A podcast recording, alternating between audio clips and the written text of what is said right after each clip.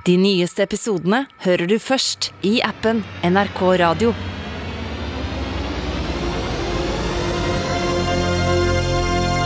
En podkast fra NRK. Popkorn og politikk. Med Sean Henrik Matheson og Gjermund Stenberg Eriksen. Velkommen til Popkorn og politikk bonuspod! Oh my god, det er stas. Det er tirsdag i dag.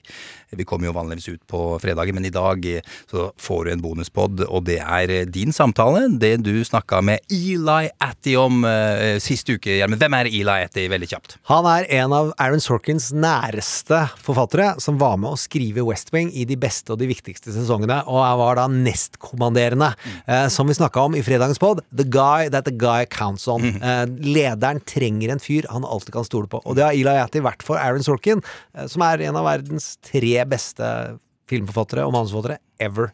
Og så er han veldig oppdatert på amerikansk politikk, for han var taleskriveren mm. til Al Gore. Og så kan dere gå inn i Trump mot verden-kartoteket, finne den første episoden til Lila Hattie, og høre hvordan han fikk jobb i West Wing. For det var som ganske snøblind, høy selvtillit. Bare ja, Jeg vet ikke hva jeg skal gjøre nå som Al Gore har gått av. Jeg kunne tenke meg å skrive. Kan ikke jeg skrive TV-serie, da? Og så bare ringte han med den selvtilliten du får etter å ha jobba noen år i Det hvite hus. Da er du vant til at verden bare server deg. Ingen andre har ringt til Aaron Sorkin og fått jobb. Det gjorde Eli Hattie. Eh, og så er han forloveren til utenriksministeren til Biden, ja. Eh, og er hans beste venn. Og han var forlover hos ham. Og Aaron Sorkin jo, går for å være en av de skumleste personene i bransjen, gjør han ikke det? Ikke, ikke fordi han er slem og sånn, men han er så ordentlig. Han gjør ting sånn, og gjør ikke det sånn, så kan du bare glemme det. Han er, han sånn er, han er kravstor ja, på kvalitet, og meget. kompromissløs ja. på at folk må stille opp. Men han er snill. men han bare, han bare, setter opp en sånn skuffa mine, mm. og så får du aldri jobbe med henne igjen. så han er ikke kjeftesmelle, det har jeg hørt, da. Og så må du si nøyaktig det han har skrevet i manus. Hvis du går ut av manus, så får du også sparken. Ja, du får i hvert fall bli ikke casta igjen. Eh, og det er også musikaliteten i replikken. Ja, ja. Eh, var det noen som oppdaget at han mente fullstendig alvor når han lagde sin, eh, regisserte sin første film? At ja. det er sånn. Du må si ned. Du må ned på slutt. han står visst foran speilet og sier alle replikkene til seg selv for å se hvordan det ser ut, har jeg hørt et sted. Jeg tror han lytter mer enn han ser, altså. han ser på deg selv. Men ok. Eh, nå, til, beige bukser. nå til Eli Atty. Litt sånn inside her først, eh, om TV, det å skrive TV-serier. Som vi har snakka om, holdt på med en stund. Det er forskjell på det å lage noe helt nytt, selvfølgelig, og det å skrive videre på eh, historien til figurer du allerede kjenner. Og i politikken finnes det både nye og kjente figurer, og det går an å sammenligne. For a uh, long running show, if you're picking up as part of a group of writers working on season three or four or five of a show, then I think usually the show knows what it is already. So the question is, is there going to be a central idea behind that season? And mm. um, I think most TV shows spend, the writers spend two, three weeks sometimes discussing what's going to be different about this season. You know, what big ideas can we throw mm. out? What big themes can be different before narrowing in on the specific? Depending on what the show is about, you root yourself in what's happening in the real world of the material you're writing about. In the mm. case of billions, what's happening on Wall Street, what's happening in finance and that culture, also just super rich people. What are they doing? What kinds of outrageous behavior and tax dodges are they kind of getting away with? And then when you get a sense of the culture, you kind of start narrowing the lens from there. What kind of season is Joe Biden's presidency in? You emailed me this thought, and I was thinking about it a little bit. And I think what I decided was it's not very good dramatic storytelling. I mean, there are big things happening. Mm. There are giant pieces of legislation being negotiated that could change the future of the American social welfare state. You know, there is still a, a pandemic ebbing and flowing, and uh, there's still complicated dynamics with China and Europe, you know, and Russia that are being reevaluated and upended and you know in, so, in many ways we're still recovering from the trauma that was the trump administration but what i think is nice about the biden presidency for me it's pretty calm it's pretty uninteresting day to day there are not a lot of crazy extreme characters. You know, there aren't Sebastian Gorkas mm. or uh, you know Jared Kushner's or you know people who would be more fit for the, like a Succession or a Billions type environment, and and so it's almost like some action movie where the city is threatened and the superheroes come and they save the city and then the city is going to carry on as normal again and the movie ends. Captain america saved my life. Wherever he is and wherever any of them are i would just i would want to say thank you and what happens after the movie ends is a Biden presidency. It's the part we don't want to see as storytellers because it's pretty uninteresting. They've gone their separate ways. It's just a bunch of decent people getting into the White House every day and working hard and doing their best. You know, there may still be all kinds of dramatic crises that, you know, happen and, you know, turn things on their head, but I like that it's not that interesting. I like oh. that I don't have to follow it as minutely as the Trump years because you just didn't know what crazy thing was going to happen next. I totally agree with you that it has an uninteresting dramatic curve because for the first six months, uh, he over delivered. He under promised and over delivered. Everything yeah, was running yeah. way better than everybody thought. And he was very wise in saying, I'm just going to, I'm going to get you 100 million vaccines. And he knew he was going to get 100 million vaccines then Delta struck, and then Afghanistan came, and the infrastructure bill and the big Build Back Better plan. That was everything was promising in March, April, May, June, July, and then we have this dramatic character, Joe Manchin, living on a houseboat, yeah, somewhere in right. Washington, getting all the power. I would say it's dramatic, but the my fear it resembles the notion I had in 2009 that these guys are not agreeing on this healthcare program, and they got to decide on that, and then they had their biggest loss in like forever. Yeah. Well, here's the thing.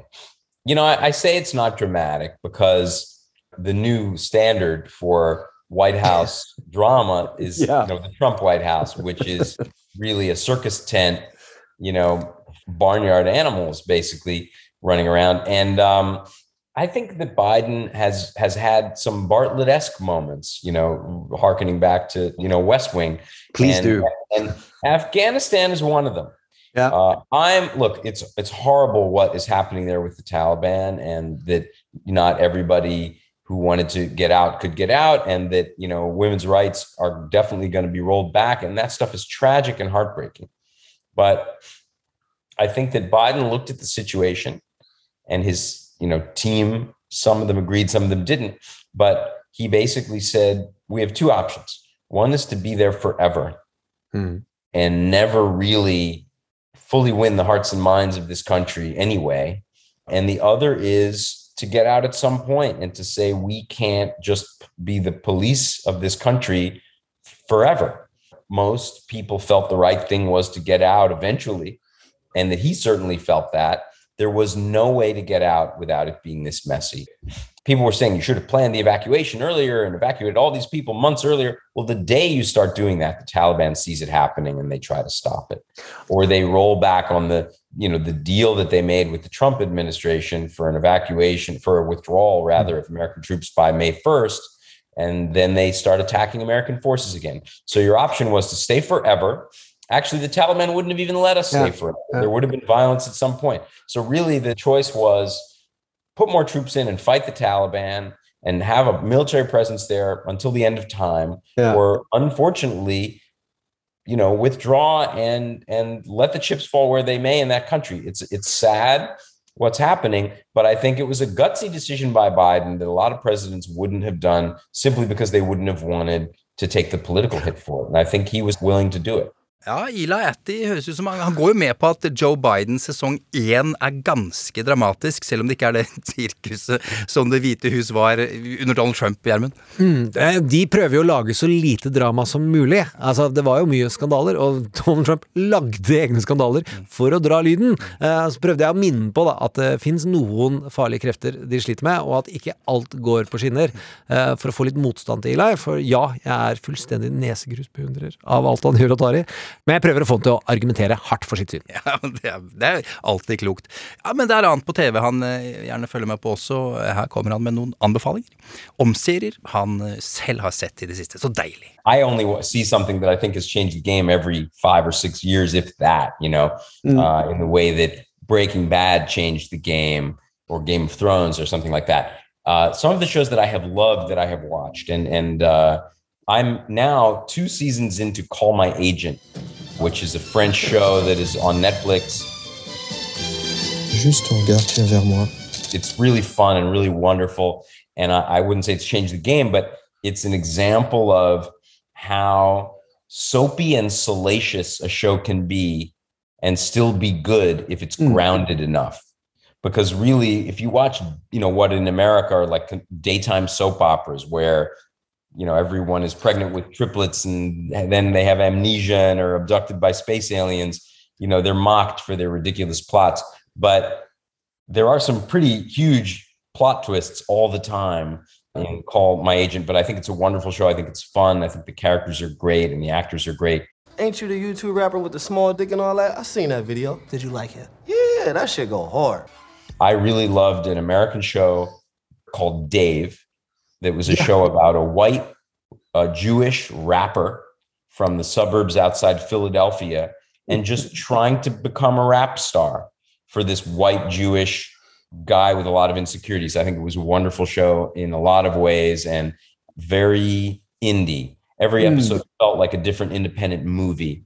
I think it was clearly influenced by the TV show Louie, actually, Louis C.K.'s yeah. show, that kind of groundbreaking in that regard. I loved The Chair, which was a, a, limited series on Netflix created by the actor Amanda Peet and also somebody mm-hmm. from the world of academics. And it really was about academics on a small campus and cancel culture, starring Sandra O oh from Killing Eve and many other things. Oh, God. Oh, you okay? yeah, sorry. I, for a second, I thought you were naked. Interesting. I thought that was a wonderful show. Can I ask you about uh, what about Fleabag and Succession? Well, I think Succession is a masterpiece, and I think Fleabag is a masterpiece. I wouldn't say Succession is a game changer exactly, but now that you mention it, both of those shows are very innovative and different in a number of ways, and I think I think they do something similar, and I think it certainly tests the limits of how unlikable characters can be, of how reprehensible and unredeemable their actions can be. And this is something The Sopranos was was very good at. So I mm. think that you know that's a reason I have trouble saying that it's so game changing. But it does a wonderful job of every character on Succession does horrible things, mm. but you see how badly they were damaged and psychologically really abused by the father mm. and other people around them and so you your heart breaks for them even when they do awful things, because they are victims of abuse. And the show is hilarious and it's deep and it's heavily researched. And I know it's wonderfully scripted. And Jesse Armstrong had great shows in England before he did Succession. It feels like there's enough room for improvisation that the scenes really breathe in a way that scripted material doesn't always not to compliment the show that you last work on, but it had similarities with Billions as well. About its dive into the dark sides of power and power games and power dynamics. Uh, did you did you guys in Billions feel some uh, resemblance when you discussed that show or not? You know, my contributions to Billions have been small in the grand scheme of things. I mean, it's a very successful show. Mm. I came to it in season five. Anything anybody loves about it was pretty much in cement. Yeah several years before I had anything to do with it. Uh, so I can't take any credit for anything other than to say what what's great about Billions to me, what I am impressed by about it every episode, and even episodes that I have my name on or other people have their names on are still the work of the showrunners who who have a very singular vision and a heavy hand in every aspect of it as they should. Uh, mm-hmm. Brian Koppelman and David Levien, they're very gifted writers and storytellers. And what I love about Billions, yes, I think it is a deep dive into some very dysfunctional characters. And I think it does take you into their damage in that same kind mm-hmm. of succession way. Obviously, started long before succession. And I think there's some overlap in the material. I think it's a very different show. What I love about Billions is that it's I think it should be an example for for writers. Brian and David love in addition to certain kinds of stories and certain kinds of milieu, you know, that they want to sort of mm. write about, they love movies, they love yeah. music, they love ancient history and 20th century history. They mm. love odd facts and stories and they put everything they love into every episode of Billions. You know, they are just interested in those things, and those things mm-hmm. don't necessarily have anything to do with hedge funds, yeah. but they put it all on the screen. It's just an example. Whatever it is you love, whatever it is you're passionate about, put your passions on the screen. Make your characters love those things. So there's no other show that will ever be like Billions, even if it's another show about Wall Street or yeah. like Succession, another show about rich dysfunctional people, because it is it's about everything they love and everything they wake up in the morning excited mm. about. Det er Billions Iglaniati nå er consulting producer på, og det er en serie om maktkamp i finansmiljøet og mellom statsadvokater og finansmiljøet i New York. Men før det så var han som kjent på presidenten, The West Wing, eh, hvor det er, som er gullstandarden innen politisk drama for alle som lager politisk drama over hele verden. Og der er det veldig mange av oss som har favorittkarakterer. Eh, og la oss høre her hvilke favorittkarakterer han ser det muligheten av i Biden-administrasjonen, om det er noen som skiller seg ut, og det viser seg at det, der har vi et favorittmenneske. Begge to. For me, I think Jen Psaki really is a West Wing-esque from from the show Absolutely. that she is really giving CJ Cregg a run for it. What do you think? Just, yeah, uh, me too. I think she's amazing. I don't really know her. We know people in common, but I did a, a kind of a virtual fundraiser for Biden, and it was actually me representing the West Wing and Dave Mandel representing Veep. He was the showrunner on the last few seasons of Veep, and um, uh, it was us just talking about those two shows and sort of resemblance to real politics. And Jen moderated mm-hmm. it, and I thought she was fantastic. And she's such a, and I'm so impressed by the job she's doing um, in the White House. And you know, it's it's she's smart, she's savvy, she's witty, but to to first of all to watch these briefings, which by and mm. large didn't even happen for whole stretches of months there was actually, I think it was Stephanie Grisham. There was a White House press secretary under Trump yeah. who never we, held a single yeah. briefing. I gave out a book, I'll Take Your Questions Now, which was kind of pun title. Yes, exactly. right. And, and um, you know, so the fact that there's an interest in facts, mm. there's an interest in information, there's an interest in engaging a press corps like adults it's a wonderful thing and and it harkens back to the west wing era because it, it had become such an antiquated notion. So i agree with you. She's a rock star. I'd watch a tv show about her any day. He wants to work with Democrats and Republicans to address the crises that the American people are facing, whether they live in red states or blue states, or Democratic uh, Democrats or Republicans. But you make an interesting point about billions and succession, and it's true of the West Wing which is that when you try to write episodes of television thematically, when an episode is not just here's a piece of the plot, mm. but an episode has a beginning, a middle, and an end, and is on its own, separate from the series, when each episode is about something. Yeah. Then you end up with this kind of television. You know, Brian and David really are you know started out and still in their brains i think are, are movie writers. They're feature writers. Aaron sorkin in his brain is a playwright.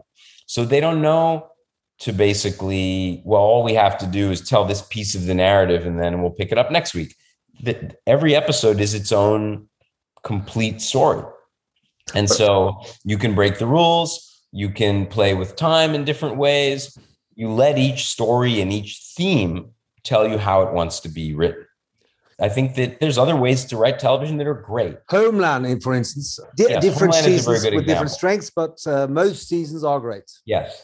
And, and I think that's true of Homeland that I'm not an expert on it. I've seen a lot of it, but that it's trying less to make each episode a complete experience and it's trying to make the season a complete experience. And that's valid. Was David Shore in House different in any sense that in that way? David Shore is a very brilliant guy. House is a was a procedural show.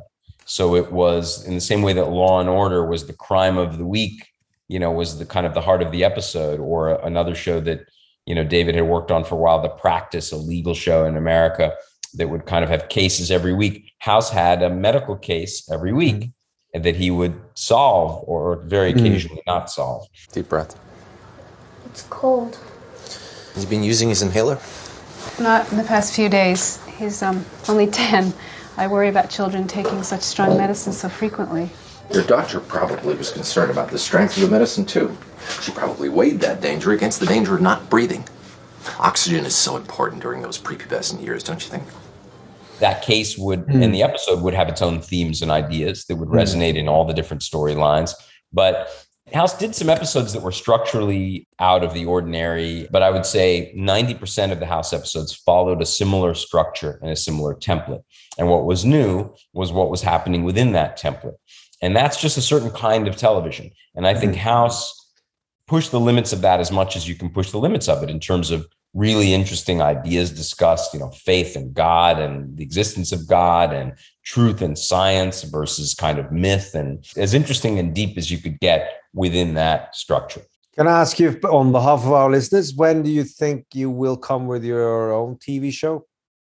It's a very good question. You know, I spend a lot of time working on other shows, which I enjoy. And I'm even already working on something post billions, though I may well be returning to billions for the next season. Mm. But I have uh, something of my own in, in development. I don't know when or if it's going to move forward. Uh, we're, we're just about to, to try to offer something for sale. So when an idea of mine meets the marketplace in just the right way, then it will happen. But I look forward to happening. I hope it happens. Der fikk vi Eli Atti til å røpe at han skriver på noe nytt som han kan styre selv, og så ønsker vi han lykke til med å få til det. Det er beinhardt å komme på lufta, og det sier litt at Eli Atti ikke har fått til eh, å få sin egen fortelling på eh, på en stund.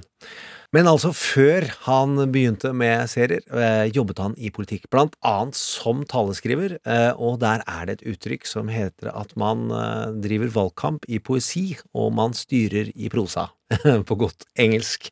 Og det kjente Atty seg godt igjen i. I think that that's an appropriate difference because when you campaign, I think you're not trying to mislead, or at least nobody I worked for ever was trying to mislead people, but you're trying to inspire people with a vision. Mm. And then when you get to the governing, you actually are trying to translate that vision into policy, which involves more details. It involves more of the mundane aspects of you know our legal system our constitutional system how you affect change on the ground and you need the vision mm. to carry you through the sort of day-to-day governing if all you did was campaign in you know nuts and bolts practicalities what's the fun of that first of all? And second of all you know all you're doing when you campaign is you're you're you're holding up a picture of what things can be. You know you're never going to get there but you're moving in that direction. It's an ideal and you just move closer and closer to it. So i think you need the ideal you need the poetry to begin to even get your head around the prose. the two are very connected Some criticism of the Obama presidency is that he was a great campaigner and then he toned himself down. He wanted these policies and his solutions to do the communication and that they did not use his rhetoric and his charisma and his aura to sell the healthcare plan properly when they, it was rolled out. And I would say up to now, the six first months, Joe Biden really communicated the way he was trying to get this infrastructure, pa- both packages, and also the uh, package he got and the way he was handling in the pandemic. Very good communication skills. Now he seems a little bit toning it down again. What do you, what is your take on that? you know, you need to be a salesman. You need to be your own salesman if you're the president. You need to kind of hype yourself and your agenda. Bill Clinton was always very good at that because he liked selling things. He liked spelling it out and trying to get people excited about his ideas. I think you're right. Obama seemed to have a tendency to lay out the policy and then just say, well, that's it. You know, wanted the country to come to him a little bit more than he was willing to keep you know, he, maybe because he lacked a, a, bit of the ego need that some politicians have, where they need to always be selling you something. Yeah, the only thing in West Wing that really uh, provoked me was the way you handled the Nobel Prize. That Leo McGarry says in what I think it's in season five. Get, tell him to calm down. We'll even get him a Nobel Prize. Yeah, no, of course it isn't. You know, I think that that was. Uh, a little poetic license there, and obviously we we would have had no control over any such thing. We avenged it by nominating Barack Obama too early. Possibly. I know that he was not, you know, pleased when he got it. I mean, he knew it was going to be a problem for him. I think it's something that uh, ex presidents love. I've heard that Bill Clinton would love to get one. And uh, certainly my former boss, uh, Al Gore, was incredibly tickled and honored and gratified when he did and for a PowerPoint. There was a category of PowerPoint presentation. You know, the funny thing about Gore and that climate presentation is he was giving versions of that presentation as a senator. Mm. And he would do it in town hall meetings around Tennessee sometimes. And there was no PowerPoint back then. And there's some chart where he shows the growth of certain kinds of emissions or mm. certain kinds of temperature. I can't remember, but you know, as you go along through the years, it suddenly jets up incredibly he actually had a piece of cardboard that he would fold up as a kind of a surprise reveal hey. how high it went because that was the that was the technology that was available at the time. But the climate crisis is the rare but all important global or strategic conflict. Everything is affected. Let me show you these slides here. Gore yeah. could could be very passionate on the stump, and and I think it was when he had enough time to develop his own stump speech and to get to the point where he could say it all from the heart and memorize enough of it. I was on many campaign swings with him where he was electric. He did a lot of campaigning when I was working for him in 1998 in the midterm elections, in which Democrats mm-hmm. won a lot of seats, which was the first time I think since the Civil War that the party in power had won seats in a six year midterm. And I'm not attributing it necessarily to Al Gore, but he was fantastic all around the country. He just had a strong message and he mm. was very passionate and it was a really fun time. He could be tremendous. Let's be clear. Vaccination requirements should not be another issue that divides us. That's why we continue to battle the misinformation that's out there. What would your core idea for the next year for Biden? He has to stay with his build back better and still stay with that metaphor look, I mean, I think that he will be evaluated and the Democratic Party will be evaluated based on what he achieves with this legislation and the state of the economy and the state of the pandemic. Mm. So I think the only thing for him to do is pass whatever he can pass and then start campaigning on that and do everything he can to keep the economy humming and the pandemic, the numbers declining. And some of that is in his control, some of that isn't in his control. But I don't really see some different playbook for him. You know, the individual races in the midterms will start to become defined and maybe some themes will start to emerge. But it's his performance as president that's going to be at issue. Mm-hmm. And I think he just needs to stick to his game, pass the most ambitious plan he can pass, and then start running ads and get the party and different candidates talking about what's in the plan we don't know yet what's even going to be in it. But once we know, that's what there will be to run on. That's my view. Da er altså rådet fra Eli Yatti til Joe Biden hold på budskapet, men du er nødt til å få til noe. Du må gjennomføre. En tale kan ikke handle om ingenting. Det er praktiske forbedringer av folks hverdag som eh, vil være avgjørende for både 2022 og 2024. At de klarer å synliggjøre at de har gjennomført noe annet enn det Donald Trump prøvde på i sin fireårsperiode. For uh, motkraften, det republikanerne har tenkt til, det er å bruke Donald Trump og så får vi se om det er eh, noe å vinne med, eller om det er noe å tape med. Til slutt så snakket vi om USA i utlandet. Eh, det var jo mye som skjedde med inntrykket av USA under Donald Trump, eh, og veldig mange målinger tyder på at man eh, svekka inntrykket av merkevaren eller omdømmet til USA mer enn man hadde gjort tidligere. Og du kan si at det er andre presidenter som også dro det ganske ned. Så er det ikke å forvente at det ville være lett for Joe Biden, men med Afghanistan-uttrekningen som veldig få kaller en suksess, eller det at de hopper på tæra til Frankrike og snyter dem for en ubåtkontrakt med Australia rett foran nesa på dem, hjelper ikke på USAs popularitet i eh, Europa, i hvert fall. Og en av Eli Attis beste kompiser heter Tony, eller Anthony Blinken, altså utenriksministeren til Eh, Joe Biden, og en av Joe Bidens nærmeste rådgivere i utenrikspolitikk så langt tilbake til som til hele visepresidentperioden. Blinken har vært forlover for Ilayati, og Ilayati har vært forloveren til Blinken. Så hvordan USA framstår der ute i verden, har nok Blinken og Atty diskutert en del, så kommer det ikke noen hemmeligheter til oss her i Norge, men det man kan være trygg på, er at Eli Atty vet hva Blinken har lyst til å stå for i amerikansk utenrikspolitikk. Hør her.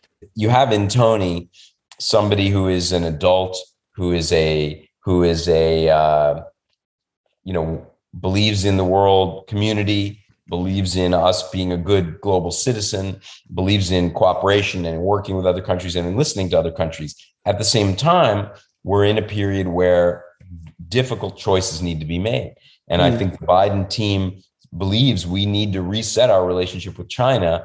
Well, and France, the way you treated our one of our closest European allies were well, they felt offended at least. Yes, and and and my understand my distant understanding of that was that it was not handled well, that they didn't think they handled it well, that they didn't mean for the information to come across the way it did, and that you know just from reading the newspaper, you know I, I can say that France really had outdated diesel technology compared to what was going to be available from England and Australia. So, you know, now maybe many more phone calls should have been made up front saying, "Hey, guys, we love you, but this is the problem, and this no longer meets our needs. And is there some other trade agreement we can make with you? Is there something else we can do to replace that money?"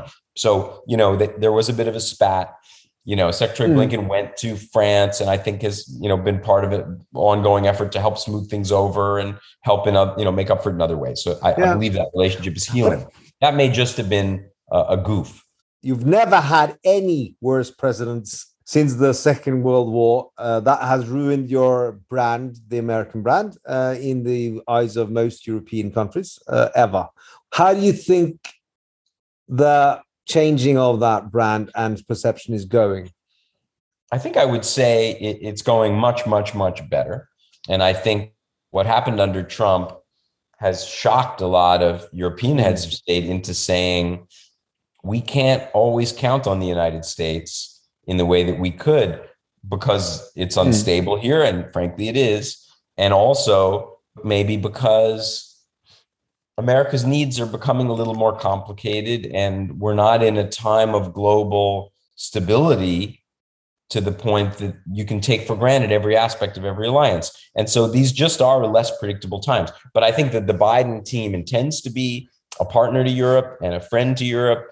And it may just be, you know, people like Macron are realizing you know, we have to be responsible for ourselves because what if we end up with another Trump? Biden also had to say, I fight for American interests abroad. So stepping on some French toes ain't exactly what provokes even Democrats. Unfortunately, nobody in this country cared about that. Not a single vote is going to be decided um, in our midterm elections or in Biden's reelection by the fact that we didn't purchase you know this kind of diesel technology from France. But you got uh, you fifty know, billion dollars from Australia. That could do a difference. Yeah, I don't think anybody really knows about that stuff other yeah. than people who really coastal elites and people who scour the New York Times and the Washington Post and the Wall Street Journal. And those people's votes are usually in set in stone long before the election days anyway. These are the most informed voters who, who are usually you know, have very highly evolved political views anyway. But that's not to say we should treat our allies shabbily. And I know, you know, lots of repair work is, has already been done on that alliance. But I'm curious to see where Europe is headed post Brexit, post Trump, post Angela Merkel. That's right. Glue for a lot of the European nations. She just took on that leadership role and I think was very good at it. So, you know, Europe is changing and and facing its own Trump-like challenges. Well, I I think that uh, the best the best the best answer I can I can give is that I I of course I've been uh, very I've had a, a, a very happy and, and, and, wonderful life in, in many many ways. Popcorn og politikk.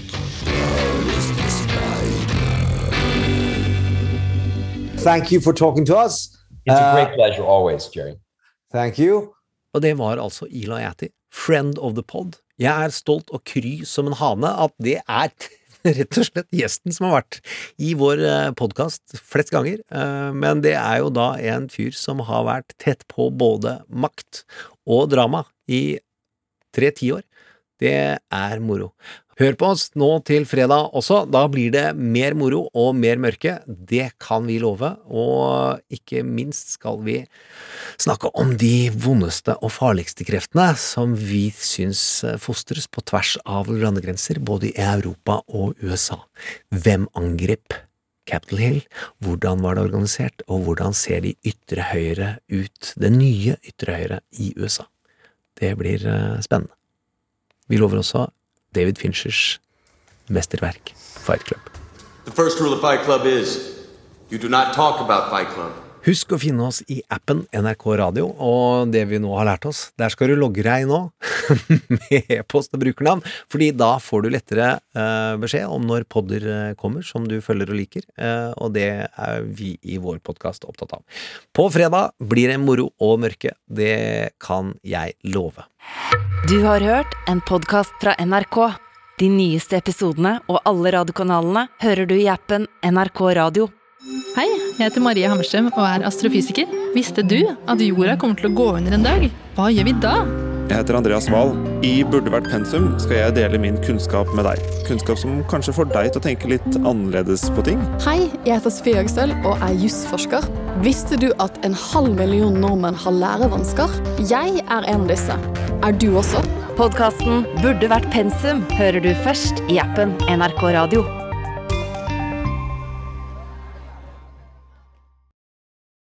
I just have to do something very personal, but I have a teenager. You don't. Oh. So I have to yell, Set på pizza! Set på pizza. Oh, that's just crazy. See, I just have a, a we have a uh, 17 month old. So yeah, uh, there's not a lot that yelling achieves. though I suppose it might not achieve a lot with a teenager either.